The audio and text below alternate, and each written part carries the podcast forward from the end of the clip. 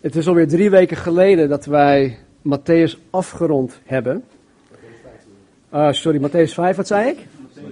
Matthäus, nee, sorry, Matthäus 5. 5, Matthäus 5 afgerond hebben. uh. En vanmorgen maken we een begin aan Matthäus 6. Een begin. Maar, om even ons geheugen op te frissen. Even te kijken of jullie bij de les blijven. Hoe heet het schriftgedeelte waarin wij momenteel bezig zijn? De Bijbel, nee. de bergreden. Uit welke hoofdstukken bestaat de bergreden? Nee, nee, nee, niet Maarten en ook niet Roelof. Uit welke hoofdstukken? 5, 6, 7. Helemaal goed. En wie spreekt hier in de bergreden? Jezus spreekt in de bergreden. En tot wie wordt hier gesproken? Ja, oké. Maar heel specifiek. Welke Joden? Zijn discipelen. Er staat hier in hoofdstuk vers, uh, hoofd 5 vers 1. Toen Jezus de menigte zag, ging hij de berg op. En nadat hij was gaan zitten, kwamen zijn discipelen bij hem. Hij opende zijn mond en onderwees hen. En hij zei. En dan krijg je de bergreden. Goed. In hoofdstuk 5, vers 3 tot en met 11 hebben we een, een gedeelte in de bergreden. En het begint met zalig, zalig, ja, zijn de armen van geest. Hoe heet dat gedeelte? De zaligsprekingen. Oké, nou. In dat gedeelte uh, legt Jezus uit hoe de christen eruit ziet. Dat, is, dat zijn de karaktereigenschappen van de christen. Vervolgens, vanaf, hoofdstuk, vanaf uh, vers 13, legt hij uit uh, wat het effect is van de christen in de wereld. Hij zegt, jullie zijn zout der aarde, jullie zijn het licht van de wereld. En dan daarna legt Jezus een, een zestal misvattingen recht door zijn uh, discipelen uh, te onderwijzen, door hun te, leren wat de essentie van, van de wet nou eigenlijk is. En hij gebruikt een zestal voorbeelden om, om hun dat uit te leggen. Nou, hier in hoofdstuk 6, uh, even kijken, ja, hoofdstuk 6, begint Jezus met een nieuw onderdeel. Het is nog wel hetzelfde onderwijs, maar het is een nieuw onderdeel van zijn leer over hoe het leven van de christen eruit hoort te zien. En als we hoofdstuk 6 pakken, dan kunnen wij in principe kunnen wij, kunnen wij het in tweeën verdelen. In twee, in twee delen. En het eerste deel heeft te maken met de godsdienstige plichten van de discipel, van Jezus. Het heeft te maken met het geven van aalmoezen of van, van liefdegaven, zoals het hier in de herziene statenvertaling staat. Het geven van aalmoezen aan, aan, aan hulpbehoevende mensen. En dit is de plicht van de christen aan zijn naaste. Weet je nog, vorige keer, drie, vier weken geleden, de, onze, onze naaste is gewoon iedereen. Zelfs onze vijand. Als er een ander mens is op deze planeet, dan is hij of zij onze naaste. Of het nu vriend of vijand is. Het bidden tot God. Onze hemelse Vader, dit is de plicht van de christen aan God. Het vasten, oftewel het verlogenen van jezelf. Eh, dit is de plicht van de christen om zichzelf te beheersen. En dit is dan het eerste deel. Het tweede deel is heel praktisch. En het heeft te maken met hoe je als christen in het leven hoort te staan. En dan zien we vanaf, vanaf um, hoofdstuk 6, uh, eh, vanaf vers 19, zien we um, ja, dat de christen niet ge, uh, gevrijwaard is van de lasten en de moeilijkheden van de wereld. Hè? Geld verdienen. Wat moeten we, wat moeten we aan, aandoen? Kleding, uh, eten, al dat soort dingen. En dan kunnen, zullen we zien wat Jezus daarvan vindt en hoe wij daarmee om te gaan.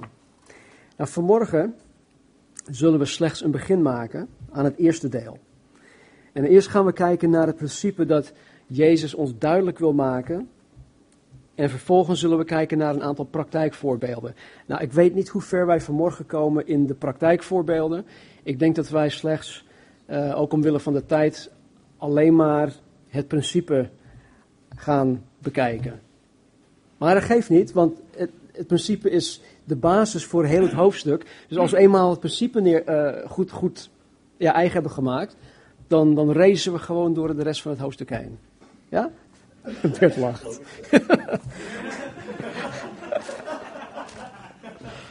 Laten we lezen, hoofdstuk 6, vers 1. Wees op uw hoede dat u uw liefdegave niet geeft in tegenwoordigheid van mensen, om door hen gezien te worden. Anders hebt u geen loon bij uw Vader die in de hemel is. Wanneer u dan een liefdegave geeft, laat het niet voor u uitbazuinen, zoals de huigelaars in de synagogen en op de straten doen, opdat zij door mensen geëerd zouden worden. Voorwaar, ik zeg u, zij hebben hun loon al. Maar als u een liefdegave geeft, laat dan uw linkerhand niet weten wat uw rechterhand doet, zodat uw liefdegave in het verborgene zal zijn. En uw vader, die in, de, die in het verborgene ziet, zal het u in het openbaar vergelden. En wanneer u bidt, zult u niet zijn als de huigelaars, want die zijn er zeer op gesteld om in de synagogen en op de hoeken van de straten te staan bidden, om door de mensen gezien te worden. Voorwaar, ik zeg u dat zij hun loon al hebben. Maar wanneer u, of maar u, wanneer u bidt, ga in uw binnenkamer, sluit uw deur en bid tot uw vader die in het verborgene is. En uw vader die in het verborgene ziet, zal het u in het openbaar vergelden. Als u bidt, gebruik dan geen omhaal van woorden zoals de heidenen, want zij denken dat zij door veelheid van hun woorden verhoord zullen worden. Word dan aan hen niet gelijk, want uw vader weet wat u nodig hebt voordat u tot hem bidt. Even verder naar vers 16. En wanneer u vast, toon dan geen droevig gezicht zoals de huigelaars.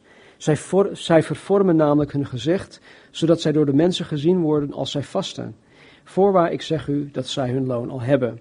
Maar u, als u vast, zalf dan uw hoofd en was uw gezicht, zodat het door mensen niet gezien wordt als u vast, maar door uw Vader die in het verborgene is.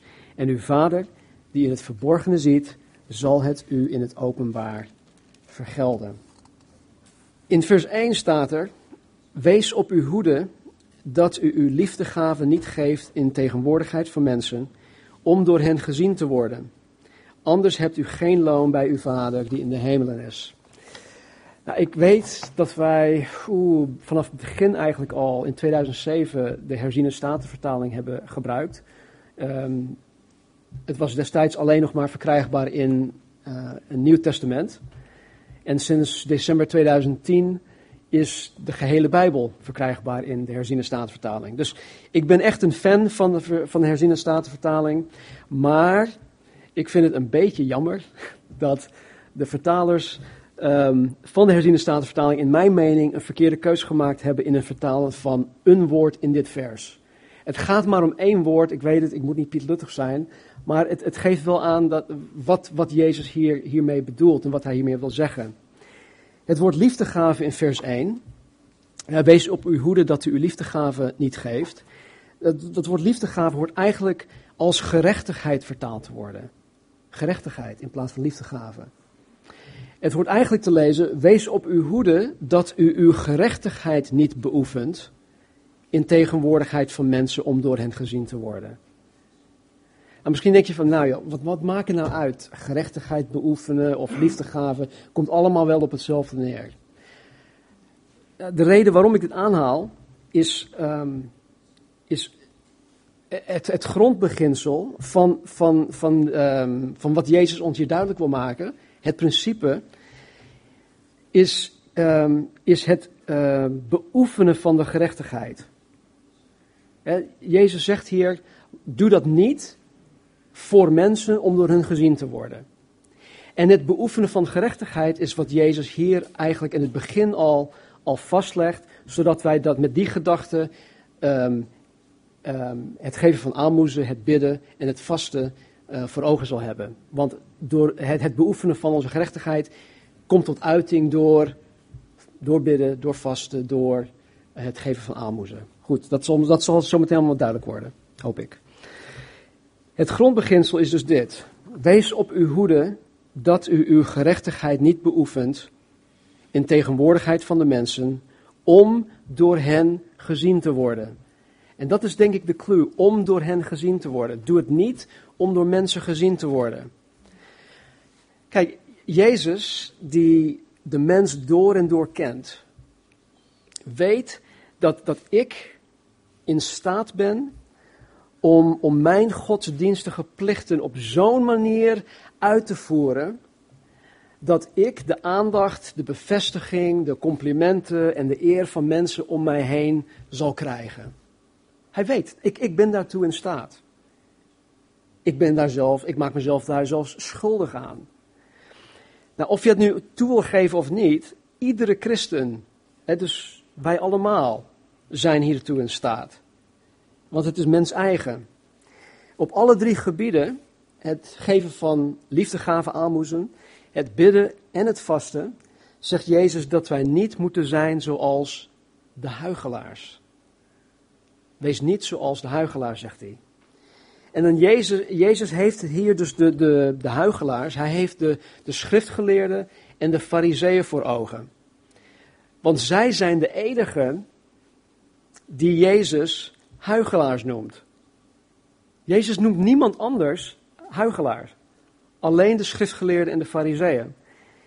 In de 20 keer, of de 20 van de 23 keer dat dit woord in het Nieuw Testament voorkomt, gebruikt Jezus het in de evangeliën om de schriftgeleerden en de fariseeën aan te spreken of om hun te omschrijven. Huigelaars. Van Dalen omschrijft huigelen als dit. De valse indruk trachten te wekken van. De valse indruk trachten te wekken van. Iemand die huigelt is, is niet oprecht. Iemand die huigelt is schijnheilig. Hij, hij of zij is hypocriet. Het Grieks grondwoord dat hier gebruikt wordt is hypocrites. En het betekent toneelspeler of acteur. Hypocrites. En daar krijgen we ook het woord hypocrisie van, in het Engels hypocrisy.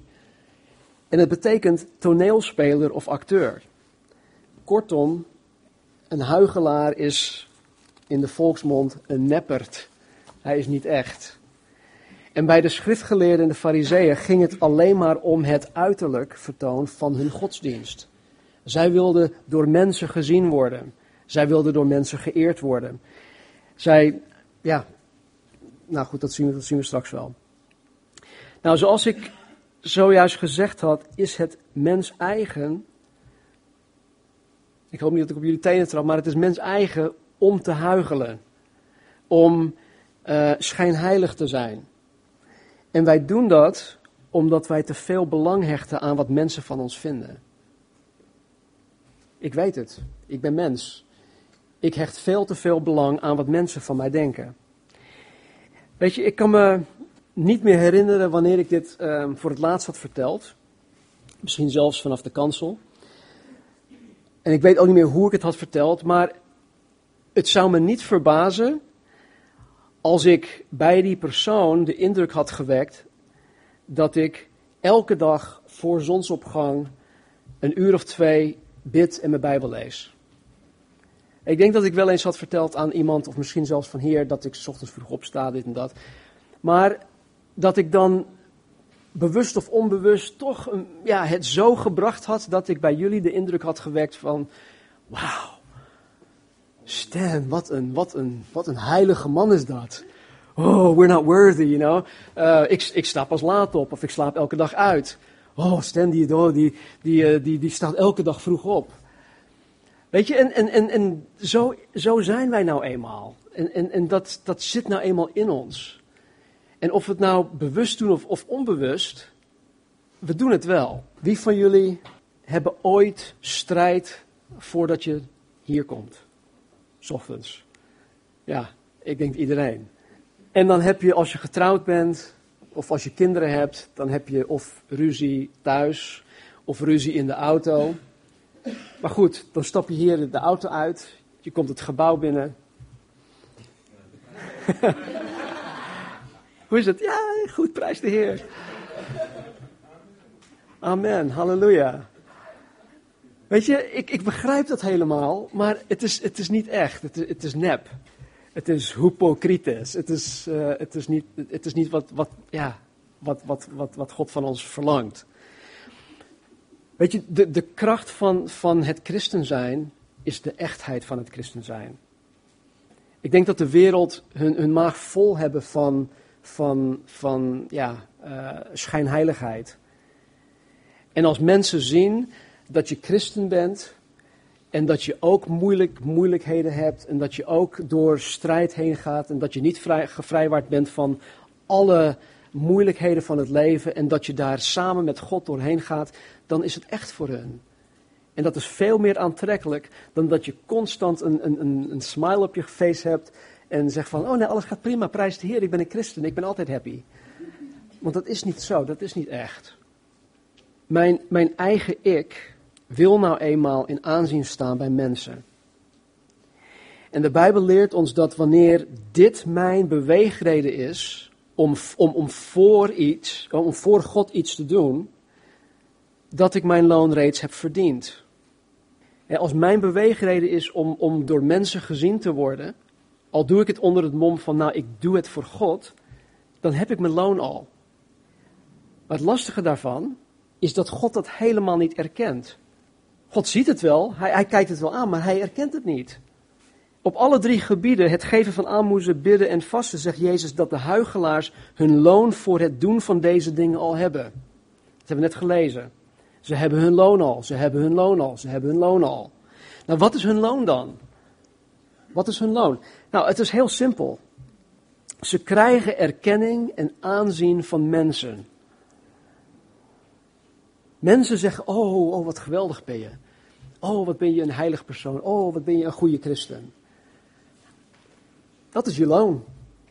Daar houdt het mee, daar houdt het mee op. Meer krijg je niet. Ik kan me nog herinneren toen ik uh, pas in Nederland was.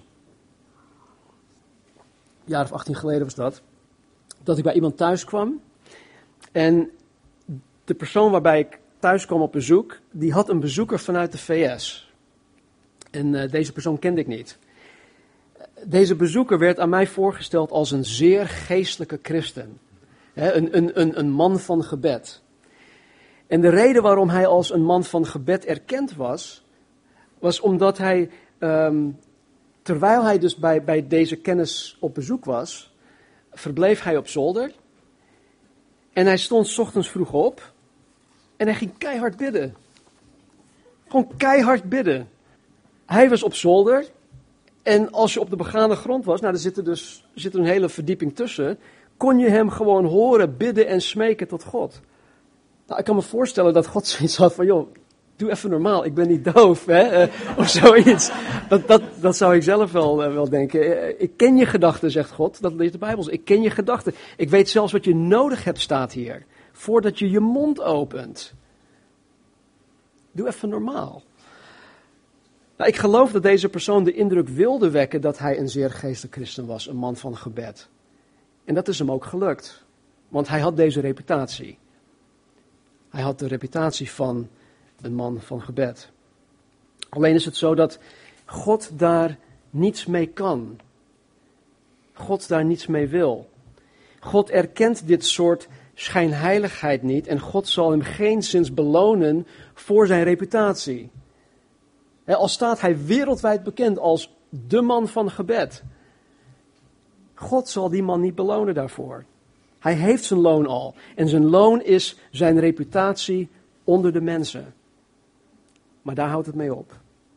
Nou, ook op alle drie gebieden, het geven van aalmoezen, het bidden en het vasten, zegt Jezus dat wanneer men dit oprecht doet, wanneer je het doet zoals God het van je verlangt, met de beweegreden om alleen God te willen behagen, God hem of haar het in het openbaar zal vergelden.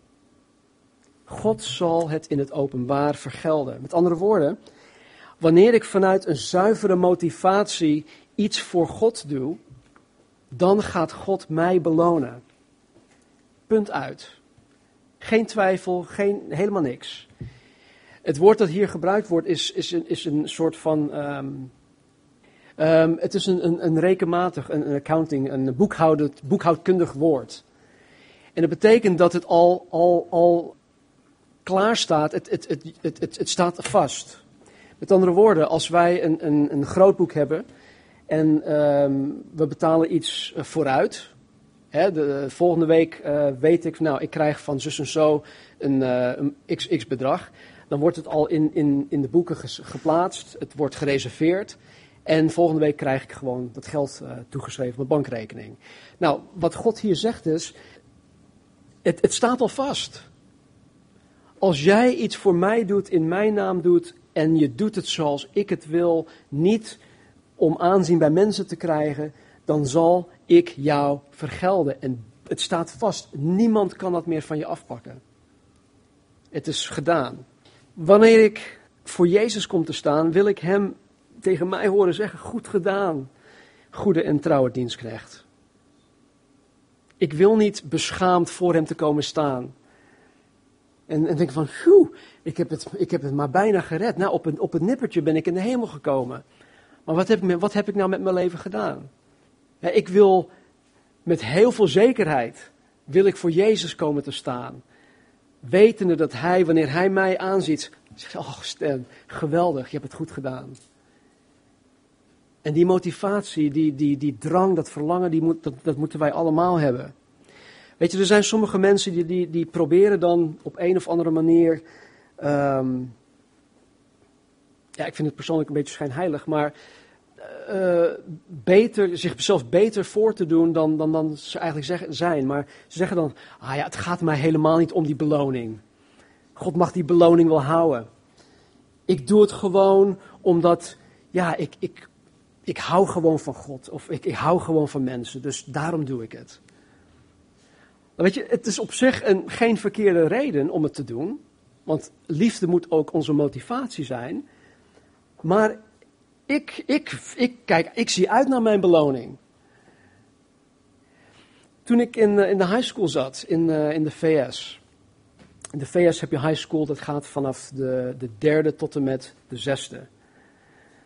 En um, ja, derde tot en met zesde mijn derde jaar, dus uh, uh, freshman in high school, had ik het geweldig gedaan. Ik had een uh, gemiddeld van, van 8 of zo, 8 of 9. Mijn tweede jaar in de high school ging het bergafwaarts. Ik hield me bezig met, met, met surfen. Ik race motocross. Ik ging elke dag naar het strand. Um, ik, ja, ik, ik, ik, ik woonde in Zuid-Californië. Uh, ik begon meisjes leuk te vinden. En dat soort dingen. En, en ja, in, in, in de States zeggen, zeggen ze sex, drugs en rock and roll. Nou, daar, daar deed ik ook aan mee. En op een gegeven moment vond ik alleen maar dat soort dingen leuk. De school, dat boeide me niet meer. En ik leefde voor het moment. Toen ik eigenlijk klaar zou moeten zijn geweest met high school, toen was ik nog niet klaar. En ik ben uiteindelijk als volwassen ben ik terug naar high school gegaan, avondschool, om een high school diploma te behalen. Maar dat is een heel ander verhaal.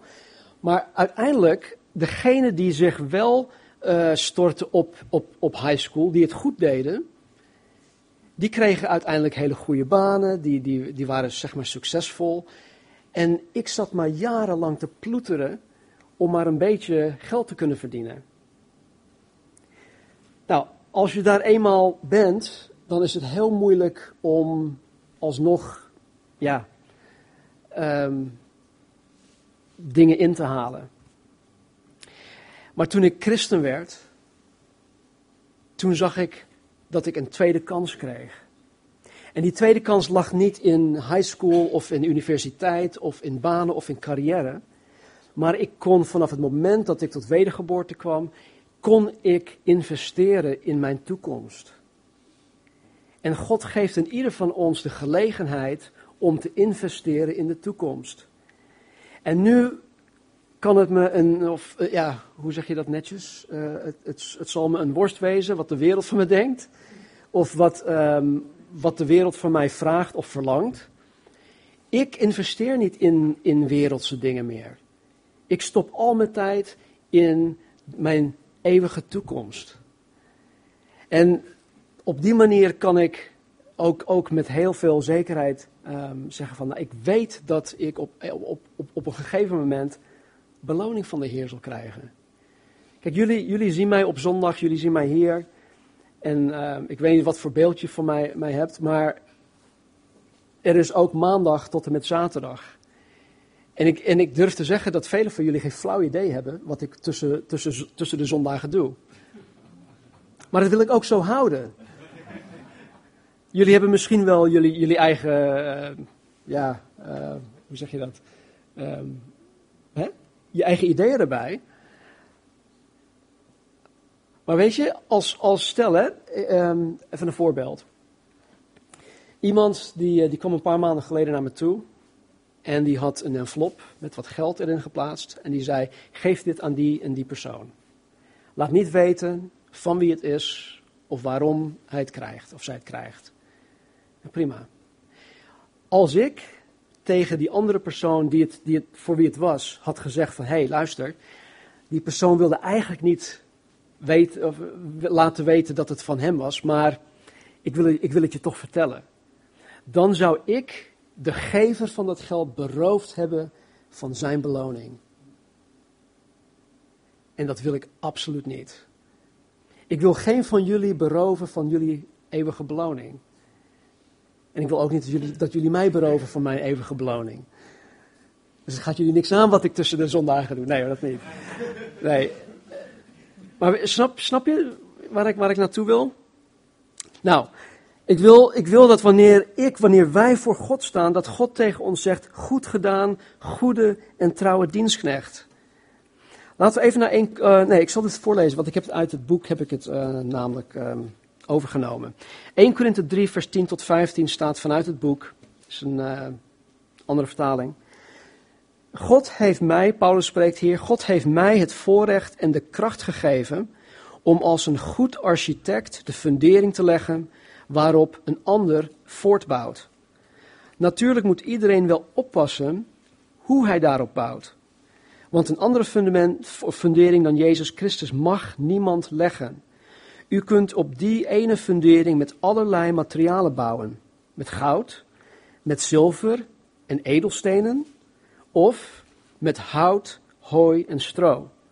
Het zal vanzelf blijken wat u hebt gedaan, want de grote dag van de Heer komt met vuur. In het vuur blijft alleen over wat waardevol is. De rest verbrandt. Als u met vuurvast materiaal op de fundering hebt gebouwd, krijgt u loon. Als uw werk verbrandt, zult u verlies lijden. U zelf zult wel gered worden, maar dan wel door het vuur heen. Paulus leert ons hier precies hetzelfde dat wat Jezus ons leert in Matthäus 6. Namelijk dat wanneer wij iets voor God doen, wanneer wij het vanuit een zuiver motief doen, God ons zal belonen. We krijgen loon, we krijgen iets, we krijgen iets wat veel meer waardevol is dan wat de wereld ons ooit te bieden kan hebben. In 2 Korinthe 5, vers 1 tot en met 10, een stukje. Uh, ook uit het boek staat dit. Wij weten dat als ons lichaam sterft, ons, ons lichaam, wij een nieuw huis in de hemel krijgen, waar wij altijd mogen wonen. Dat is een huis door God gemaakt en niet door mensen. Wij ervaren nu nog wel allerlei moeilijkheden, maar kijken met verlangen uit naar de dag dat wij een hemels lichaam krijgen en dat zullen aantrekken als nieuwe kleren. Wij zullen niet of niet als geesten zijn, maar een lichaam hebben. In ons aardse lichaam hebben wij het vaak moeilijk, maar wij zouden het vreselijk vinden om geen lichaam meer te hebben. Wij willen vanuit ons oude lichaam in ons nieuwe lichaam overgaan, zodat het sterfelijke door het leven wordt opgeheven. Daarvoor heeft God ons juist gemaakt en als onderpand heeft Hij ons de Heilige Geest gegeven. Wij houden dus de moed erin. Al beseffen we heel goed dat wij, zolang we in ons lichaam leven, nog ver van ons hemels huis verwijderd zijn. Door het geloof en niet door het zien, weten wij dat dit waar is. Daarom zijn wij ook niet bang om te sterven. Integendeel, wij zien er naar uit om naar huis te gaan, naar de Here. Daarom is ons hoogste doel te doen wat Hij wil. Of we nu in dit lichaam of thuis bij de Here zijn. Want, en hier is het, wij zullen allemaal eens voor Christus rekenschap moeten afleggen. Dan wordt alles blootgelegd. Ieder van ons zal krijgen wat hem toekomt, voor wat hij in zijn aardse lichaam heeft gedaan, goed of kwaad. Wauw. Staan we daar wel bij stil? Dat wij rekenschap bij Jezus Christus af moeten leggen wat wij in ons lichaam hebben gedaan. Nou, even dit, hè. Even, even om het op, op te helderen, want ik denk dat er misschien uh, verwarring kan ontstaan. In Openbaring 20 leert de Bijbel ons dat alle mensen, alle mensen die ooit geleefd hebben, het laatste oordeel van God zullen moeten meemaken. Lees, Openbaring 20, 11 tot met 15 maar. Dit laatste oordeel zal hun eeuwige bestemming bepalen. Degenen wiens namen geschreven staan in het boek des levens zullen voor eeuwig in alle heerlijkheid samen met God zijn. Alle anderen, wiens naam niet in het boek des levens staat, die hebben een hele andere toekomst. Lees Openbaring 20, 11 tot 15. Dus dit, dit laatste oordeel, dit grote oordeel, dat geldt voor alle mensen. Alle mensen. Maar waar Paulus het hier in 1 en 2 Korinthe over heeft, geldt alleen voor ons. Dit geldt voor, uh, voor wij die wedergeboren zijn. Wij die Jezus Christus navolgen. En wij die wedergeboren zijn, komen voor de rechterstoel van Christus te staan en zullen daar te zien en te horen krijgen wat onze beloning zal zijn. dus we, het zijn twee verschillende uh, beoordelingsmomenten. Nou, in datzelfde hoofdstuk wat we net gelezen hadden, 2 Korinthe 5, zegt Paulus dit. De liefde, of want de liefde dringt ons. De liefde dringt ons. Met andere woorden, wat wij ook doen, het is omdat we er door de liefde van Christus toe gedrongen worden. Dat is ons drijfveer. Dat is onze beweegreden. Uiteindelijk zullen wij als christenen niet beoordeeld worden op, op basis van alles dat wij voor God hebben gedaan, maar op basis van onze motieven, onze beweegredenen. En Paulus zegt eigenlijk dat het enige zuivere motief om maar iets voor God te doen, de liefde van en de liefde voor Christus is. Een aantal maanden geleden hebben we het nog over het grootste gebod gehad. Wat is het grootste gebod? Heb, heb God lief met heel je hart, verstand, ziel en kracht. Dit is niet alleen het grootste gebod, maar vanuit onze liefde voor God hoort alles dat wij voor God doen voor te vloeien. De liefde dringt ons. Dit is ons doel. Om alles voor God te doen omwille van Gods liefde. Als wij een andere beweegreden hebben om dingen voor God te gaan doen, dan, dan missen wij het doel. Dan missen we gewoon het doel. Dan kunnen wij nog zoveel voor God ondernemen, nog zoveel voor God opofferen, nog zoveel voor God rennen, organiseren, oefenen, dienen enzovoort enzovoort, maar het zal door het vuur geen stand houden. Als onze motivatie, onze beweegreden niet zuiver is. Jullie zullen het waarschijnlijk niet met me eens zijn. Maar ik vind dat Oranje gisteren goed gevoetbald heeft. Zij domineerden het spel met, met balbezit, met scorekansen, verdediging enzovoort enzovoort. Ze hebben goed gevoetbald. Toch? Ze deden heel veel dingen heel goed. Behalve één ding. Scoren. Ze hebben hun doel uiteindelijk niet bereikt. En het gevolg daarvan was dat zij de wedstrijd verloren hadden. Ondanks het, het, het, het alles goed doen, hebben zij hun doel niet bereikt. Laten we onze Bijbels openslaan op Openbaring 2. En hiermee sluit ik af.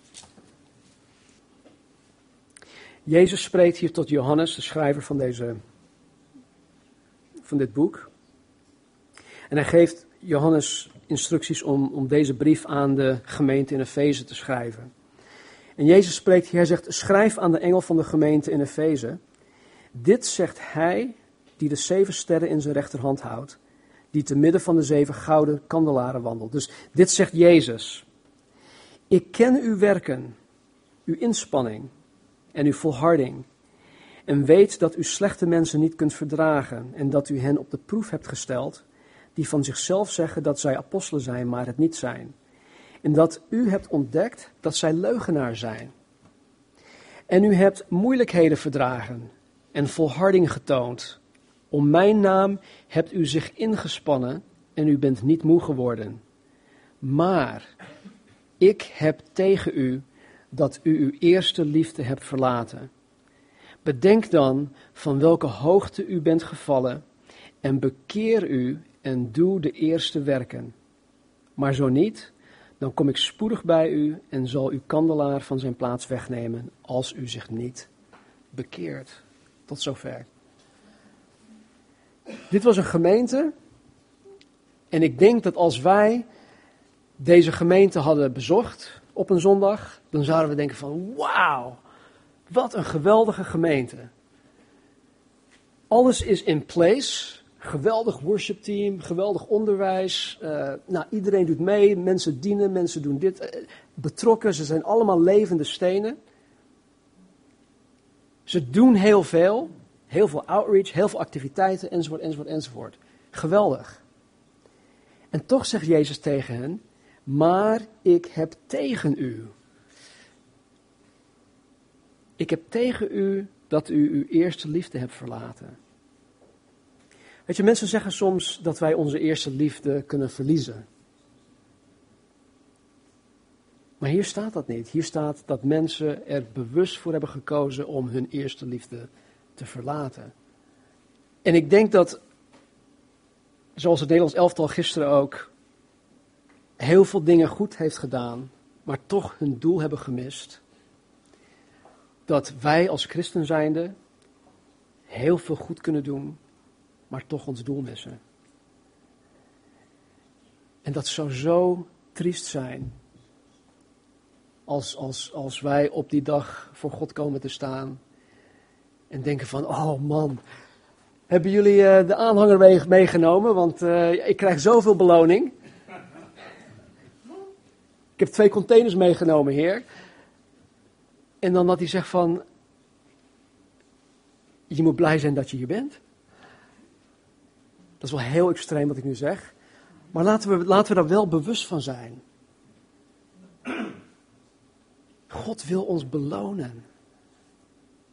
En we zullen de komende paar weken zien, wanneer we hoofdstuk 6 ook uh, in gaan duiken, wat God van ons verlangt, wat Hij van ons verwacht en hoe Hij ons daarin instrueert. Hij maakt het ons heel, heel eenvoudig, heel, heel, heel makkelijk. Maar dat zullen we de komende weken zien. Laten we bidden. Heer, ik dank u voor uw woord.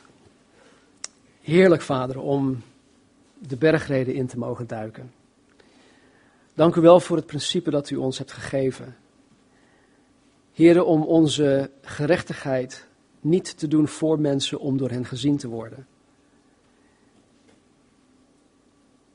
En heren, ik weet van mezelf, en ik geloof dat wij allemaal wel, wel moeten bekennen, dat wij ons hieraan schuldig hebben gemaakt. In zekere zin. De een meer dan de ander, maar Heer, hoe dan ook. We zijn, we zijn allemaal schuldig. En vader, ik, bid dat u ons hiervoor wilt vergeven.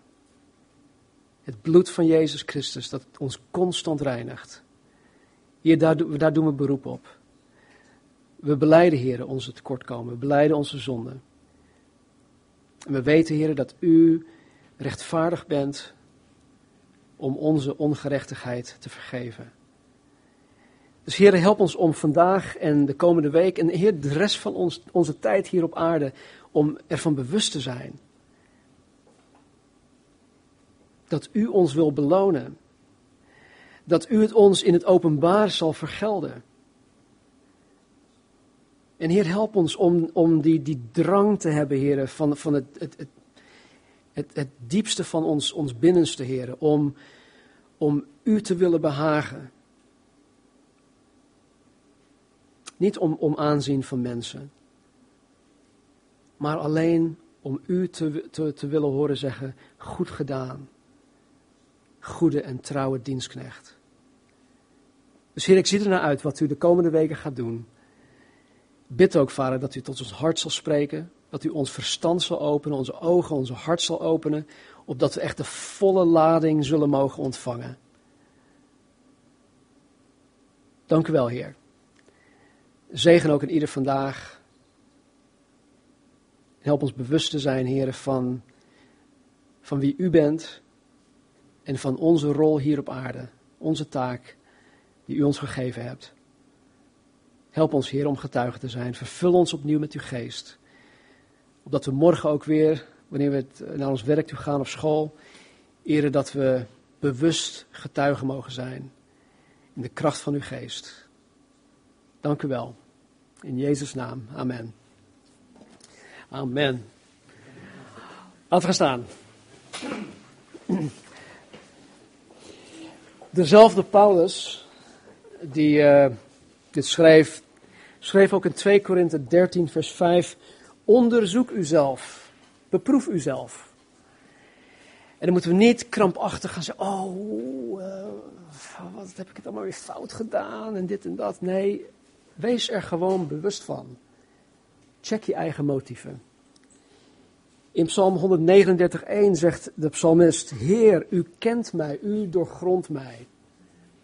Zelfs waar wij onszelf niet heel goed kennen, zelfs waar wij onszelf en anderen misschien voor de gek willen houden, kunnen wij God niet voor de gek houden. Hij kent ons, hij doorgrondt ons. En aan het eind van Psalm 139 zegt hij: Doorgrond mij, God, en ken mijn hart. Peil mij, weet wat mij kwelt. Zie of ik geen verkeerde weg ga. Dus mogen de Heer ons deze week zo bepalen door dit woord, dat wij niet alleen onszelf onderzoeken, maar dat wij ook bewust met de motivatie om Hem te willen behagen, alles voor God ondernemen. Wetende dat wij in het openbaar vergeld zullen worden. Hij gaat ons belonen. Ik streef ernaar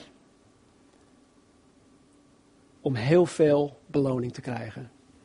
En ik hoop dat jullie samen met mij ook dat streven hebben. Dus God zegen jullie. Wees lief voor elkaar. En uh, geniet van deze mooie dag. God zegen je. Amen.